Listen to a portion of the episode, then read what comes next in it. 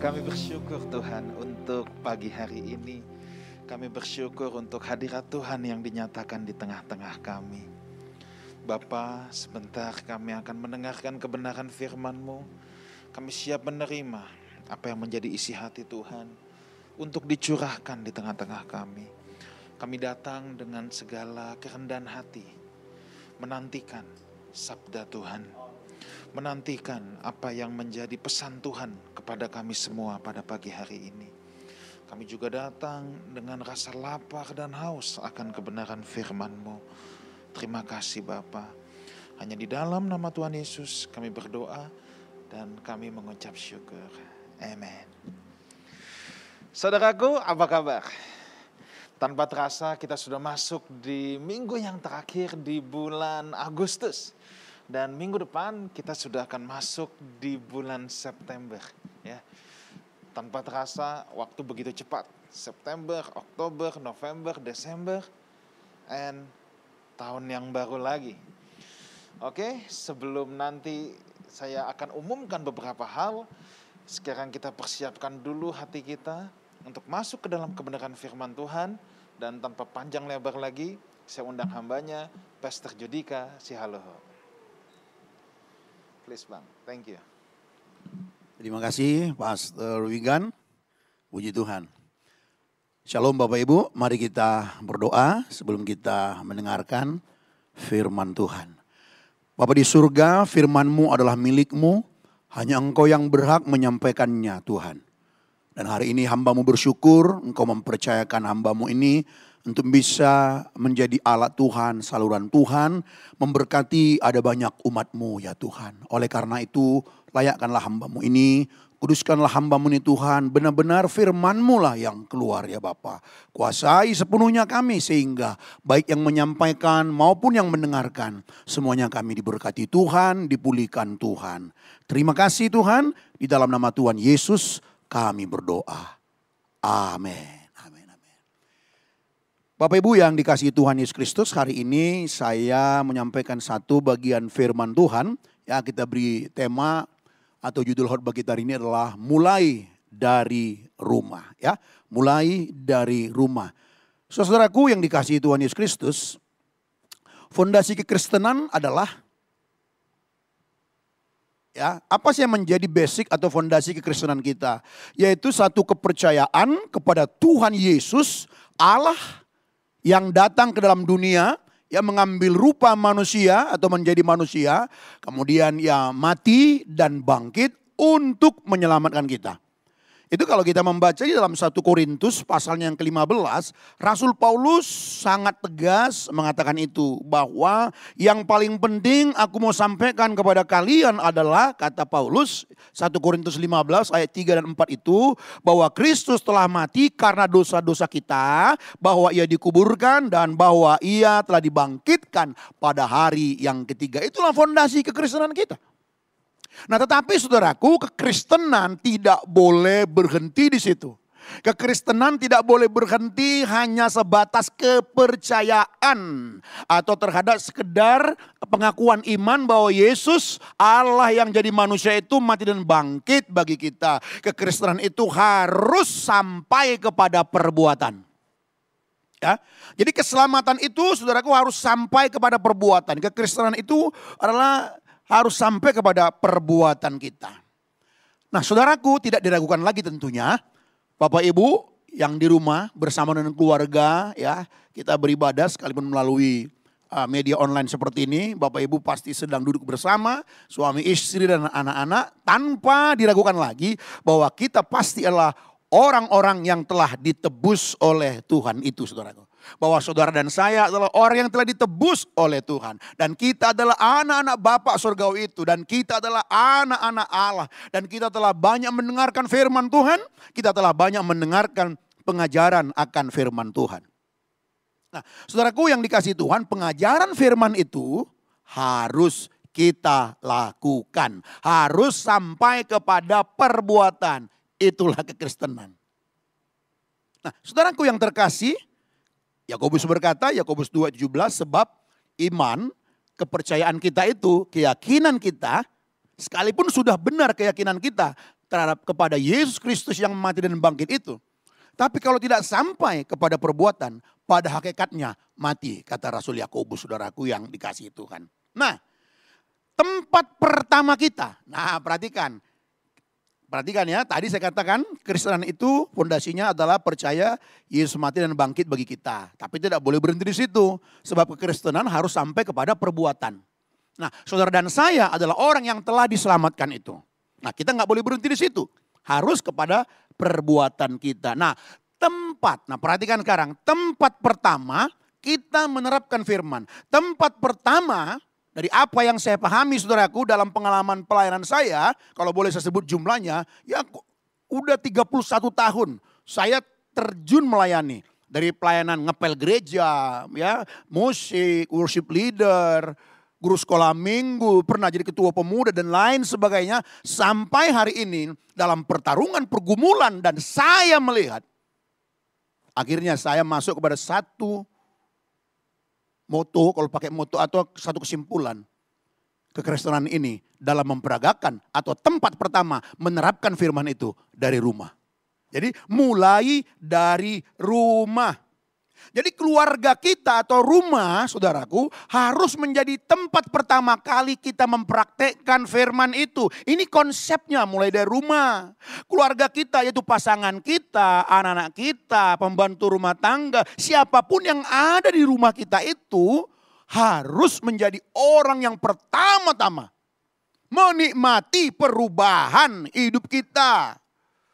Kita bersekutu, kita mendengar firman Tuhan, tentang kasih misalnya. Nah pasangan hidup kita, anak-anak kita, orang yang di rumah kita, orang yang dekat dengan kita. Itulah yang harus pertama-tama merasakan, menikmati, mengalami kasih yang kita pelajari itu. Kasih yang kita alami dari Tuhan. Itu yang saya maksud mulai dari rumah saudara-saudaraku. Kita belajar tentang pengampunan. Maka orang yang di rumah kita itulah yang pertama-tama mencicipi, merasakan, mengalami bahwa kita memaafkan mereka, mengampuni mereka, menerima mereka dalam segala kekurangan kelebihan mereka. Itu yang saya maksud saudaraku. Ya mungkin seseorang berkata, Pak bagaimana Pak aku jauh dari rumah, aku di luar negeri, aku di luar kota, aku jauh dari keluargaku. Nah siapa yang dekat di sana denganmu? Itulah keluargamu. Tanpa juga melupakan keluarga yang jauh bisa melalui media telepon dan sebagainya. Sikapmu yang menunjukkan perubahan di sana. Nah saudaraku awas jangan sampai kita manis di luar namun bau busuk di rumah saudaraku. Awas jangan sampai kita bersikap manis di luar, bersikap baik di luar, dipuji di luar rumah, berani berkorban, peduli terhadap orang lain, murah senyum atau mudah senyum di luar, peduli di luar seperti di pekerjaan, di klub sepedanya atau di klub motornya atau di klub mobilnya atau di klub-klub mana saudara di luar rumah di kelompok teman-teman, jangan sampai kita bersikap manis, ramah, mudah mengalah, lembut di luar sana. Tapi di rumah tidak bisa dirasakan apa-apa. Itu yang saya katakan tadi, awas jangan sampai. Di luar rumah kita, uh dipuji, uh kalau dia mah baik. Ih orangnya peduli banget kalau dia mah. Itu luar biasa kalau dia mah. Mah, aduh mudah senyum. Sama siapa aja ketemu ramah. Ya baik sih, tapi apa artinya itu? Kalau di rumah tidak ada keramahan, tidak ada kepedulian di rumah. Nah itu saudaraku. Di gereja melayani shalom. Haleluya gitu. Di gereja, di rumah. Nah saudaraku, kalau mau jujur hal-hal ini bukanlah suatu hal yang aneh bagi saya juga. Mungkin bagi Bapak Ibu yang sudah lama menjadi Kristen. Hal seperti ini bukanlah suatu hal yang asing. Karena sering kan kita lihat perilaku-perilaku seperti itu. Kisah, fakta seperti itu. Manis di luar, di rumah tidak bisa dirasa. Manis di luar, bau busuk di rumah. Ini bukan suatu hal yang asing. Bahkan bukan hanya di kalangan jemaat, maaf. Ada saya di sini, ada Pastor Wigan. Sebagai pendeta, saudaraku. Pendeta pun tidak luput dari situ. Ini dari fakta juga apa yang saya lihat. Saudaraku pengalaman melayani terjun pelayanan 31 tahun ini. Kami pendeta pun terkadang di luar manis. Ketemu orang, shalom pak, oh haleluya, shalom. Tapi sama pasangan hidupnya, sama anaknya, sama drivernya, pembantu atau asisten rumah tangga, orang-orang yang dekat padanya nggak ada begitu. Kadang-kadang senyuman yang diperbuatnya pun adalah kepentingan bagi dirinya, bukan satu kasih yang mengalir dari hatinya karena pengalamannya bersama dengan Tuhan. Coba pikirkan. Bukan rahasia umum lagi keluarga kami pendeta pun banyak juga yang ribut. Coba, kenapa? Karena nggak bisa dirasa cinta kasihnya. Saudaraku yang dikasih itu kan. Jangan sampai kami juga terlihat manis seperti ini. Kan saya kelihatan manis bukan? Senyum di mimbar.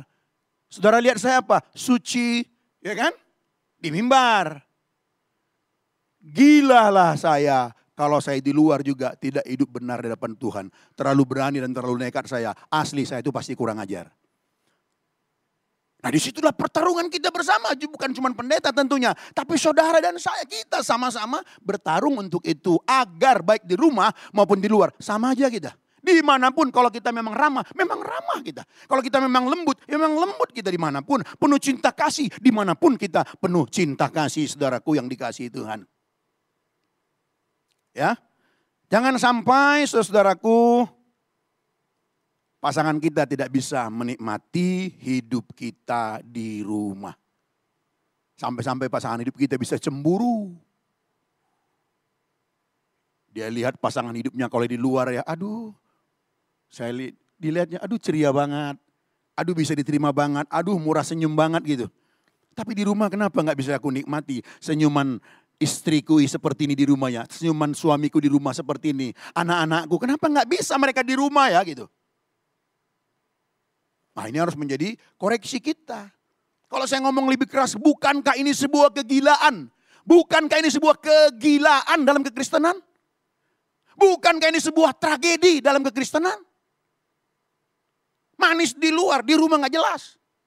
Di luar haleluya bicara Tuhan nasihati firman. Di rumah tidak pernah firman disampaikan. Di meja makan tidak pernah diskusi tentang firman. Tiada Yesus Kristus didiskusikan di meja makannya. Bukankah itu sebuah kegilaan dalam kekristenan? Itu tragedi saudaraku. Dan yang mau jujurnya, sering sekali kita mengabaikan itu. Makanya mulailah dari rumah. Ah, ini udah kepengen nyanyi nih. brother, bantulah saya brother. Nah, keyboardnya pun nggak apa-apa lah. Saya takut fals aja sebenarnya. Nah, kalau bisa dibuka dikit lah ya, apa namanya, uh, speakernya gitu ya. Kita ambil dari kunci, dari kunci G aja, kunci G lah. Iya, mulailah dari rumah. Coba brother, sambil dipersiapkan ya, sambil dipersiapkan. Jadi saudara-saudaraku bagaimana seorang yang menyebut dirinya Kristen bisa sejahtera hatinya, bisa nyaman hatinya, di luar rumah bersikap baik.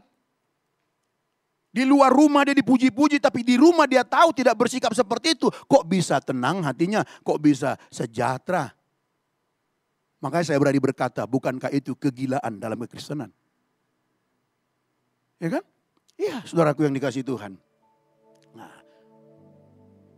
Belum keluar suaranya? Hmm. Dicinta membuat kita bahagia.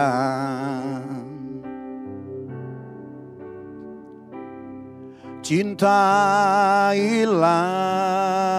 sesama dia pun bahagia.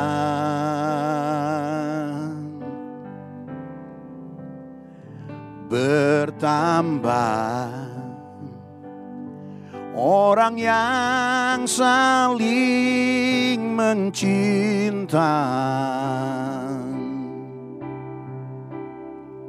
Semakin banyak yang bahagia dalam kasihnya. Mulailah dari rumah memperagakan cinta. Mari pandanglah pasanganmu sekarang. Saling menyayang, saling mencinta, ciptakan surga. Lihat Lihatlah sekelilingmu Pandang dengan hati Tuhan. Walau berbeda warna Beda pengertiannya. Kalau bisa Bapak Ibu di rumah mari bergandengan tangan. Ingatlah. Pegang tangan pasanganmu Kita semua bersaudara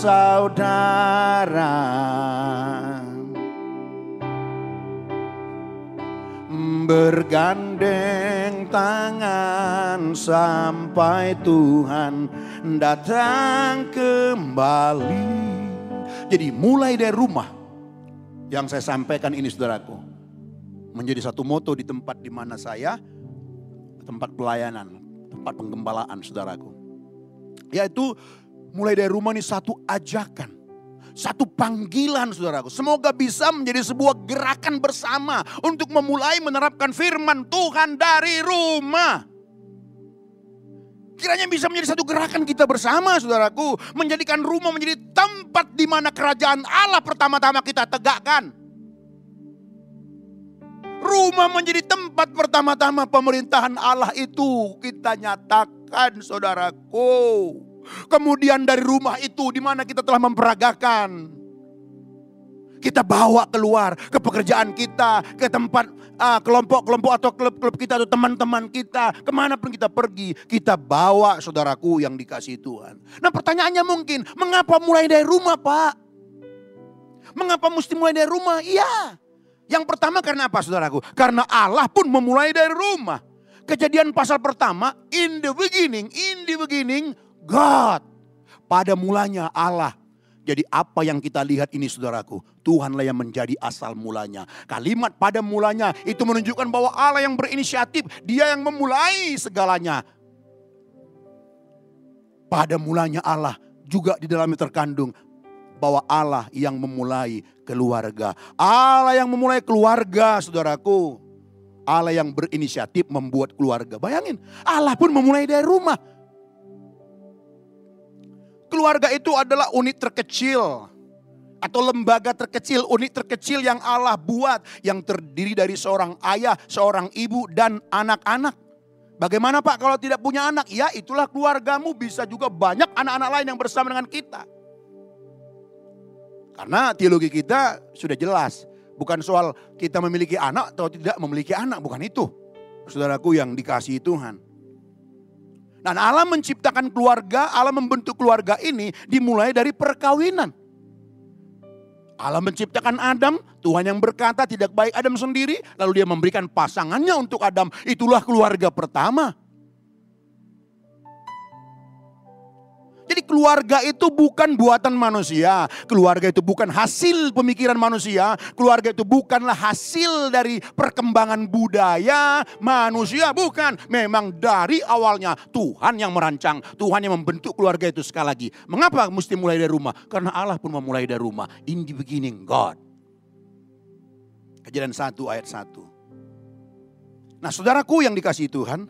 Keluarga itu suci. Keluarga saudara itu kudus loh. Keluarga kita itu mulia loh. Keluarga kita itu agung loh. Kenapa? Karena yang membuat adalah Allah yang agung, Allah yang suci. Jadi siapa yang mau coba merusak keluarga, dia sedang merusak rancangan Tuhan. Dia sedang melawan rancangan Tuhan dan dia sesungguhnya sedang melawan Tuhan. Kalau ada orang mau merusak keluarganya sendiri, sesungguhnya dia sedang berhadapan kepada Tuhan yang empunya atau yang membentuk keluarga itu, saudaraku yang dikasihi Tuhan. Ya, Sekali lagi, mengapa dari rumah? Karena Allah pun memulai dari rumah. Ya Bapak Ibu yang dikasih itu kan. Bahkan Allah pun memulai misinya dari situ kan, dari rumah itu, dari keluarga Adam. Kejadian 128 berkata, lalu Allah memberkati mereka, yaitu keluarga pertama itu. Lalu memberikan mandat, beranak cuculah, penuhilah bumi, isilah, artinya isilah nanti seluruh bumi ini dengan anak-anak Allah. Yang menegakkan kerajaan Allah di seluruh bumi. Penuhilah semuanya. Dan Allah mau pemerintahan Allah itu dimulai di keluarga Taman Eden itu. Makanya Tuhan membentuk satu rumah yaitu Taman Eden. Bicara Taman Eden bukan seluruh bumi, ada satu Taman Eden. Itu jelas kejadian 2 ayatnya yang ke-15. Allah membuat satu taman lalu membawa menempatkan manusia itu di taman Eden itu untuk mengusahakannya. Nanti dari situ mereka berhasil lalu membawanya ke seluruh bumi. Adam dan Hawa menjadi teladan harusnya. Walaupun sama-sama kita tahu ya akhirnya dia gagal juga ya. Ya itu satu fakta yang tidak boleh kita ikutin saudaraku. Allah memberikan tugas beranak cuculah, taklukkanlah, kuasailah. Maksudnya apa taklukkan di situ saudaraku? Radah. Artinya apa saudaraku? Menata. Seperti seorang raja yang memimpin rakyatnya. Tentu seorang raja memimpin rakyat, menata rakyat bagaimana agar negaranya, agar rakyatnya itu sejahtera, damai sejahtera, teratur, harmoni. Seperti itulah saudaraku. Sehingga keluarga itu menjadi tim yang hebat. Suami istri anak-anak harusnya menjadi tim yang hebat di muka bumi ini. Tapi berapa banyak kita nggak mampu menciptakan saya. Habis pak suami saya. Habis pak anak-anak saya. Nah itulah kita manusia suka cari kambing putih. Bukan kambing hitam lagi saudaraku yang dikasih Tuhan. Jadi keluarga itu harus kita bangun menjadi tim yang hebat. Adam dan Hawa dirancang Tuhan menjadi keluarga harus menjadi tim yang hebat untuk menegakkan pemerintahan Allah di bumi, membersihkannya dari segala apa pun yang mencoba menghalangi keluarga Allah, kerajaan Allah ditegakkan dalam rumah. Bisa dapat bertumbuh dengan baik, bisa dapat bertumbuh dalam pengenalan akan Tuhan yang baik, saudaraku dan sesama. Itulah sebabnya ada seorang uh, ini istri seorang pemikir hebat lah. Uh, saudara mungkin pernah mendengar ya namanya Francis Francis Schaeffer. Jadi nama istrinya itu adalah Edith Schaefer mengatakan begini saudaraku, saya senang sekali. Saya senang sekali mengulang bagian ini. Rumah itu merupakan tempat mengajarkan apa yang menjadi dasar kepercayaan. Jadi rumah itu harus menjadi tempat ya bagaimana anak-anak diajarkan beriman itu seperti apa. Ya, melakukan firman itu seperti apa? Dari rumah. Dari rumah, Saudaraku. Tempat kebenaran diajarkan dan dilakukan. Rumah itu tempat membimbing anak-anak mengenal Tuhan. Keluarga menjadi tempat lahirnya kreativitas. Semoga anak-anak kita. Saudaraku karena kita mulai hari ini kan memulai dari rumah. Akan muncul kreativitas-kreativitas. Baik orang tua maupun anak-anak dari rumah. Karena rumah itu menjadi tempat yang nyaman bagi dia. Tempat yang nyaman bagi dia bersekutu dengan Tuhan. Dan Tuhan memberikan ide-ide. Rancangan atau gagasan yang hebat. Rumah itu harus menjadi tempat. Terbentuknya hubungan yang baik antara sesama juga dalam keluarga itu saudaraku. Rumah itu menjadi tempat mereka belajar. Apa sih artinya mengasihi? Bagaimana sih mengasihi itu dari rumah? Apa itu menerima? Apa itu diterima dari rumah? Apa itu menghargai? Apa itu dihargai dari rumah? Ini PR kita kan berat seperti ini saudaraku. Tapi memang begini. Tapi menurut saya nggak berat-berat amat juga. Kalau di dalam rumah kita masing-masing anggota sama-sama dikembalikan kepada Tuhan, sama-sama tertuju kepada Tuhan, sama-sama mencari Tuhan, menurut saya nggak sulit. Ketika kita benar-benar kembali kepada Tuhan semuanya. Oh Tuhan engkaulah segalanya. Kita akan rendah hati. Kita bisa ditegur, kita bisa diingatkan oleh pasangan hidup kita. Jadi menurut saya nggak sulit-sulit amat juga saudaraku. Rumah harus menjadi tempat bernaung saat menghadapi badai. Coba ketika pasangan hidup kita, anak-anak kita, siapa pun orang dekat kita. Ketika mereka ada badai, ke mana mereka bernaung? Kalau bukan di rumah, aduh mengerikan saudaraku. Kalau bukan di rumah tempat dia bernaung, mengerikan kita. Dia mencari tempat lain, berarti nggak nyaman di rumah. Rumah juga menjadi tempat menyimpan banyak kenangan. Dari kecil kita ingat ada banyak kenangan. Aduh, dulu mama aku mengajarkan aku harus memaafkan orang. Ada banyak kenangan-kenangan. Itu rumah saudaraku yang dikasihi Tuhan. Aduh, ya bahkan sampai kepada kata Edith Schaefer, dia bilang begini. Rumah pun menjadi tempat memberi contoh bagaimana memakai waktu luang. Aktivitas dari rumah semuanya. Luar biasa kan? Yang ketiga saudaraku, kenapa hanya mau ngurusin, yang mau cerai lah, yang ribut lah, yang berantem lulu lah. Gimana gereja mau kuat? Kalau keluarga kita kuat, maka gereja ini kuat. Tapi kalau keluarga nggak kuat, aduh capek habis. Bukan pendeta nggak mau melayani, mau banget apalagi saya. Sering sekali sharing kepada saya, ya diskusi. Istilah kerennya konseling kepada saya. Ribut lah, mau berantem lah. Aduh saudaraku yang terkasih. Bukan kita nggak mau, mau. Tapi kalau terus hanya begitu, pikirkan baik-baik. Bagaimana kita bisa menjadi keluarga, eh, menjadi gereja yang kuat. Jadi kalau keluarga kita kuat, gereja kita kuat, masyarakat kita kuat, saudaraku yang dikasih Tuhan.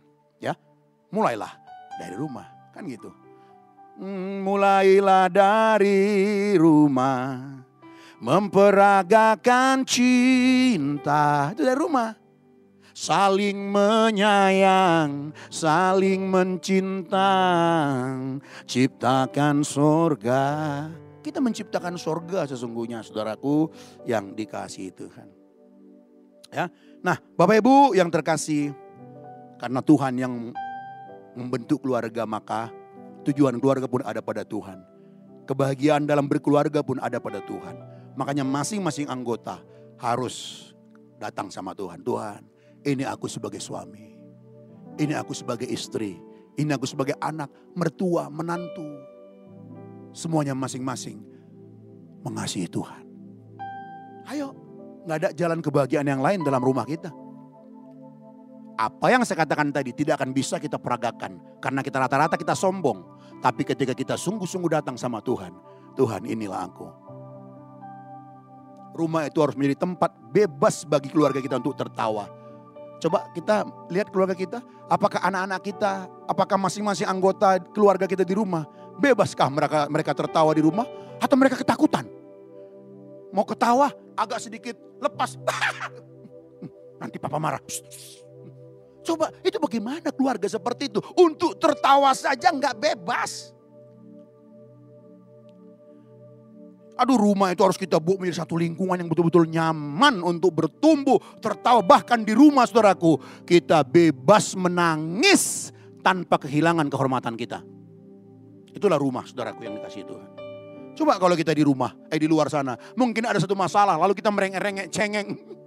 Mungkin orang apaan sih kamu, cengeng amat sih, cuman begitu doang aja. Apaan sih? Seolah-olah kita kehilangan kehormatan kita. Tapi kalau di rumah saudaraku, Nangis kita, cengeng kita, tapi nggak kehilangan. Karena apa? Tidak kehilangan kehormatan. Kenapa? Karena nangis kita yang cengeng itu pun di rumah diterima. Amin. Saya cerita sedikit. Anak saya pernah saudaraku ya, saya lagi di bawah, dia di kamarnya di atas. Jadi ada satu uh, satu hal lah tentang sekolahnya dia gitu kan. Dia udah berusaha, habis-habisan dia berusaha dan sebagainya. Lalu nggak dapat ngejar deadline itu. Lalu saya udah pernah bilang, nggak apa-apa nak, yang penting kan kamu kan udah berusaha. Bukan soal nilainya, ya. Yang paling penting, dia takut sekali nggak lulus. Yang penting papa udah lihat kok, kamu tuh kerja keras. Kamu banting tulang, syukurnya tulangmu nggak patah-patah karena dibanting kan gitu. Tapi satu kali saudaraku, saya lagi di bawah gitu ya. Tiba-tiba dia turun. Turun, nangis. Sedihnya bukan main. Tiba-tiba merah. Wah, gitu. Sedih banget saya rasa. Saya juga mau nangis. Kenapa nak? Lalu dia cerita, bla bla bla bla bla gitu kesedihannya, hancur hati cengengnya saya lihat. Aduh, kalau dari konsep saya itu cengeng amat tuh. Aduh kok gitu amat sih? Ya udah peluk papa, peluk papa. Dia peluk, dia cerita gitu. Jujur saya sedih tapi saya senang. Kenapa saya sedih? Karena saya lihat dia nangisnya gitu amat. Kenapa saya senang? Karena dia mampu mengungkapkan rasa penat di hatinya di dalam pelukan bapaknya. Aku bersyukur kepada Tuhan. Tuhan berarti aku nih anakku nyaman cerita sampai sebegini. Nah aku terima dia. Walaupun cengeng menurut saya. Walaupun gitu amat kok hanya gitu persoalan kok gitu amat sih. Tapi bagi saya, saya terima dia. Kenapa? Itulah rumah. Kita bebas tertawa, kita bebas menangis senangis-nangis apanya pun tanpa kehilangan kehormatan kita. Itulah rumah. Bahkan di rumah kita ngomong nggak nyambung, itu pun diterima. Itulah hebatnya rumah. Istri kita ngomong nggak nyambung, nggak nyambung. Apaan sih? Tapi tetap bisa diterima. You are my darling. Jangan dikit-dikit. Kamu ngomong apa sih? Bego amat sih lo. Gitu nggak nyambung aja. Nggak boleh gitu. Itulah rumah saudaraku. Wow. Sekali lagi. Wow. Aduh nikmat, nikmat. Aduh rumah, rumah. Iya. Memang ada lagu saya, E ya, kunci E dia kan, ini agak country dia. Aku bukan lagu saya sih, pernah saya bikin albumnya dengan lagu ini E dia. Hmm. Hmm. This world is not my home. I'm just passing through. My treasure are laid up somewhere beyond the blue. The angels beckon me from heaven's open door. And I can't feel at home in this world anymore. Memang pernah ada lagu seperti ini. This world is not my home. Rumah kita, eh dunia ini bukan rumah kita. Ya betul, betul. Tapi bukan kita mengabaikan rumah kita yang ada. Jangan karena kita berkata, this world is not my home. Ya udah berabe rumah tangga biarin aja. Yang penting beyond the blue. Nah boleh gitu saudaraku. Kalau kita lihat keluarga kita sekarang berat, sempoyongan. Ayo, maaf kalau saya menuntut sedikit lebih kepada kita suami. Sebab kita adalah pimpinan, kita adalah imam itu. Ayo, kitalah pertama-tama menunjukkan sikap yang berubah itu. Maaf ya kalau saya ngomong begini. Ya, kalau kita bilang nggak mutlak, oke lah, oke, ya udahlah, nggak mutlak, oke, udah. Tapi sebagai seorang hamba Tuhan, boleh dong saya berdasarkan Alkitab bahwa kita adalah kepala, kita adalah imam, jadi saya mendorong suami yang lebih dahulu berubah. Kalau dalam keluarga suami berubah, menurut saya ya, kayaknya lebih mudah dia membawa seluruhnya karena dia adalah leadernya. Jadi mau makan, ah dia yang pimpin doa, mari kita berdoa. Tuhan, jangan setiap kali mau makan, mamalah. Besoknya mau makan, mamalah yang berdoa. Atau mamanya, papalah sekali-sekali. Oh, Nanti aja papa, padahal karena dia nggak bisa berdoa. Bayangkan kita disebut imam dalam keluarga, memimpin doa pun nggak bisa di rumah. Mungkin dia bisa tapi malu. Mungkin yang nggak bisa tapi kagok. Kenapa? Karena tidak terbiasa. Mulai hari ini pimpinlah. Sekali-sekali mendelegasikan boleh. Tapi kalau terus-terus mendelegasikan itu pun pemimpin yang salah juga di rumah. Halo. Mulai hari ini anak-anak kita sudah bebas tertawa di rumah. Dia bebas menangis. gitu dia. Di rumah, kalau di luar itu, ini kehilangan kehormatannya dia. Dia akan diejek, dia akan ditertawai oleh orang. Tapi di rumah, orang menangis terisak-isak gini, diterima oleh keluarganya. Ya sini nak, sini. Ayo. Oh, kenapa? Kalau itu istrinya, come here my darling, hug me. Nangis dia. Nggak apa-apa, di rumah diterima itu. Di luar mungkin ditolak. Di luar mungkin dianggap itu kita menghina diri, merendahkan diri. Tapi di rumah enggak. Itulah rumah saudaraku yang dikasih Tuhan. Mudah-mudahan ada amin kan? Belum berangkat amin ya kan? Aduh. Jadi saudaraku yang dikasih Tuhan, keluarga itu melihat ke dalam. Dalam masa-masa krisis dia selalu melihat ke dalam. Artinya apa? Mencari jalan keluar bersama-sama. Saat ini masa sulit, COVID, ya. Waktu belum COVID aja banyak penghasilan orang sulit, apalagi sudah COVID, tambah berat lagi. Tapi marilah kita keluarga, suami, istri, anak-anak dan orang yang di rumah kita. Bersama-sama kita mencari jalan keluar, bersama-sama kita tangguh. Kalau istilah saya selalu begini, walaupun kita sangat sulit, baik secara ekonomi, sakit belum sembuh, itu betul-betul sakit. Saya, saya akui, kita nggak bisa bohong, sakit loh. Sakit kita udah bertahun-tahun belum sembuh, itu sakit juga. Ekonomi kita terus terprosok, nggak enak itu, harus kita akui. Tetapi walaupun posisi nggak enak seperti itu, ya, tapi kita tidak memilih berdosa di hadapan Tuhan. Itulah Kristen sejati. Terseok-seok sih dia, udah mau jatuh, udah mau diletak, tapi dia tetap memilih. Sama seperti Tuhan Yesus teladan kita. Di atas kayu salib, dia berkata, Eloi, Eloi, lama sabaktani. Alaku, alaku, mengapa kau meninggalkan aku? Kenapa? Karena orang ditinggalkan oleh Bapak Surgawi, ditinggalkan oleh Tuhan, pasti gelap jalannya. Sama selama di bumi, Yesus dipimpin, dituntun, dibimbing sepenuhnya oleh Bapaknya. Tapi karena dia dijadikan dosa saudaraku, Bapak meninggalkan dia dan dia gelap gak tahu mau melangkah bagaimana. Tapi dalam keadaan gelap Tuhan Yesus, dia tidak memilih marah-marah kepada Bapaknya. Dia tidak memilih melakukan hal yang salah, tidak memilih kata-kata umpatan. Tapi dia memilih begini luar biasa, Bapaanmu kuserahkan nyawaku. Ini yang saya katakan, makanya saya buat kalimatnya dalam keadaan apa pun. Sesenang apa pun kita, sesulit apa pun kita, ayo kita bertahan. Jangan memilih melakukan hal yang salah. Akhir kata, saudaraku yang dikasih Tuhan. Dalam waktu kita yang terbatas ini. Keluarga itu penting. Namun ingat, bukan menjadi tujuan kita yang utama. Karena tujuan kita adalah Tuhan. Tuhan yang membuat keluarga, maka keluarga pun harus kembali kepada Tuhan.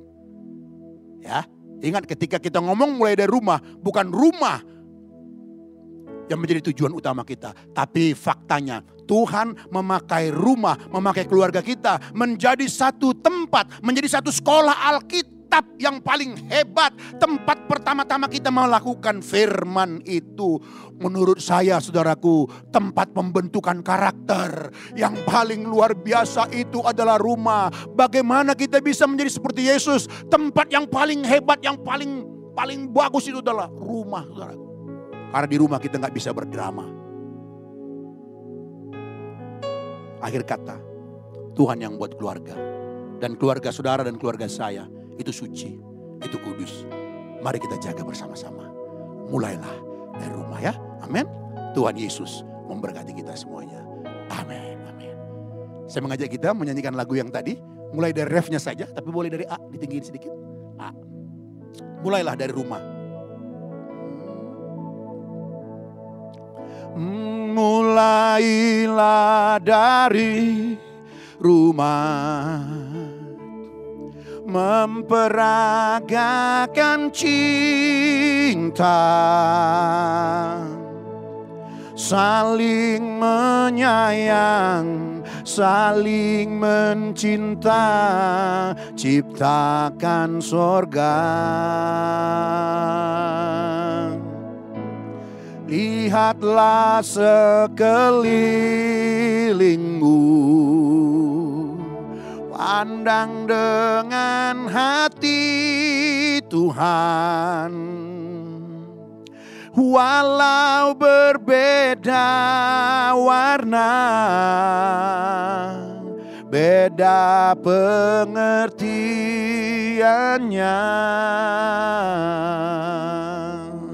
Ingatlah kita semua bersaudara.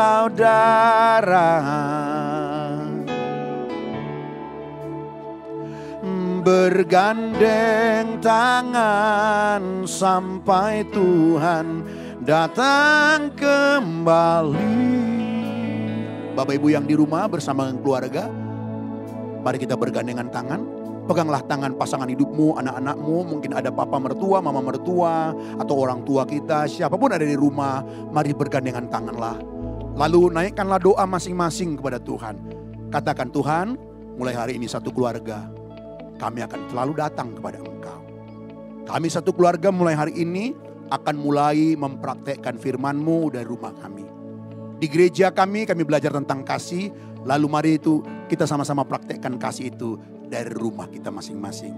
Di gereja kita, atau kita membaca Alkitab, kita belajar tentang pengampunan, praktekkanlah pengampunan itu dari rumah. Mari masing-masing berdoa. Terpuji namamu Tuhan, termulia namamu Bapa. Kami angkat hati kami, kami bergandengan tangan memuliakanmu memuliakanmu Tuhan, memuliakanmu.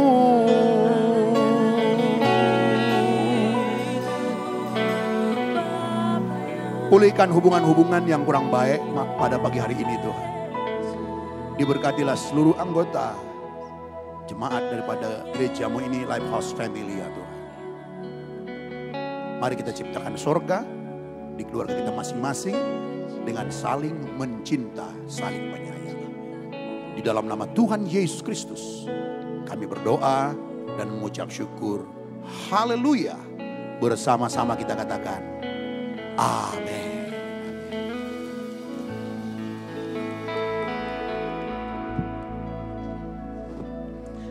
Oh, thank you Pastor Judika. Saya percaya saudara semua diberkati Tuhan.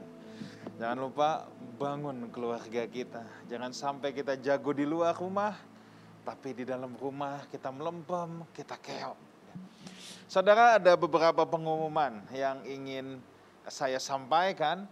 Yang pertama, minggu depan kita masih live streaming. Kita masih menggumuli, kita masih memutuskan kapan ya kita mau mulai offline lagi. Tapi yang jelas saya akan beritahu bukan langsung satu minggu di muka. Nanti kalau kita sudah putuskan kapan kita akan mulai offline pasti dari dua minggu sebelumnya paling tidak akan kita umumkan. Tetapi minggu depan kita masih online streaming dan minggu depan ada perjamuan kudus. Jadi saudara siapkan biskuit, roti atau apa pun ya dan juga boleh dengan wine, teh, fanta untuk siapkan seluruh anggota keluarga untuk mengikuti perjamuan kudus. Dan pengumuman yang kedua, kalau saudara ada beban doa yang ingin didoakan, saudara bisa menghubungi nomor yang ada di sekretariat, nomor yang ada di layar kaca saudara ya. Karena nanti akan kita doakan apa yang menjadi pergumulan dan beban saudara. Dan ada pengumuman juga nanti hari Rabu ada live sale ya.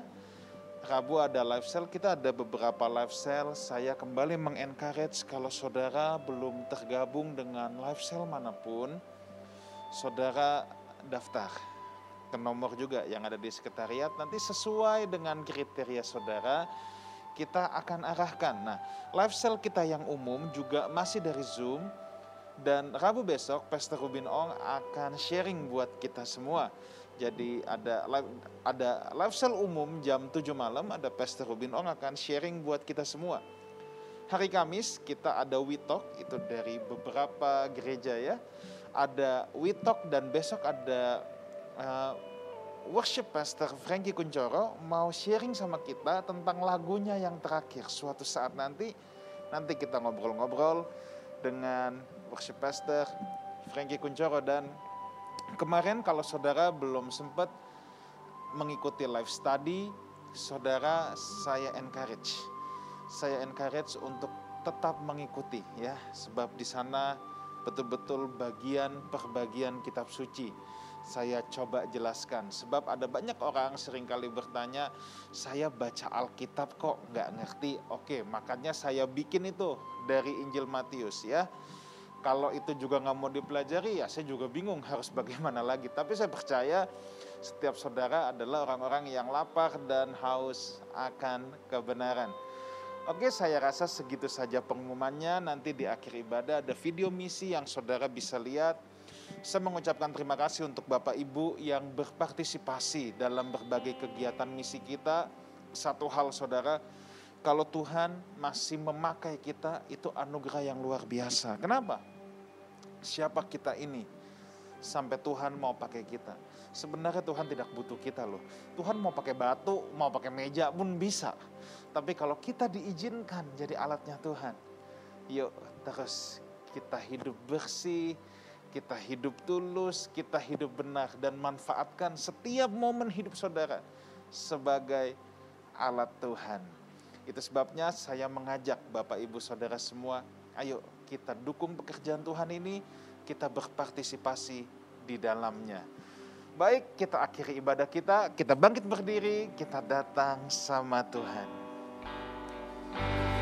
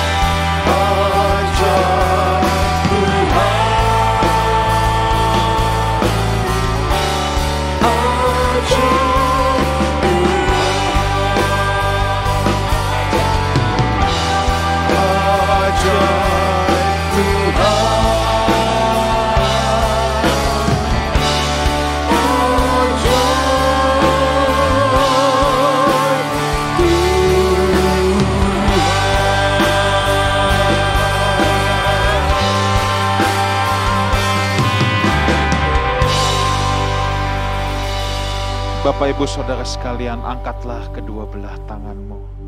Kiranya diberkati Tuhan keluargamu, diberkati Tuhan kesehatanmu, diberkati Tuhan pekerjaanmu, diberkati Tuhan buah tanganmu, diberkati Tuhan keluar masukmu. Engkau akan diberkati Tuhan sebab engkau punya tugas untuk menjadi berkat di mana pun engkau berada. Dan biar kiranya berkat dari Allah Bapa kita, cinta kasih kasih karunia dari Tuhan kita Yesus Kristus dan persekutuan yang indah dan yang manis dengan Roh Kudus menyertai kita semua sampai Maranatha Tuhan Yesus datang untuk yang kedua kalinya menjemput orang-orang yang hidup sepadanan dengan kebenaran Injilnya. Sama-sama kita katakan, amin. Happy Sunday, God bless you all.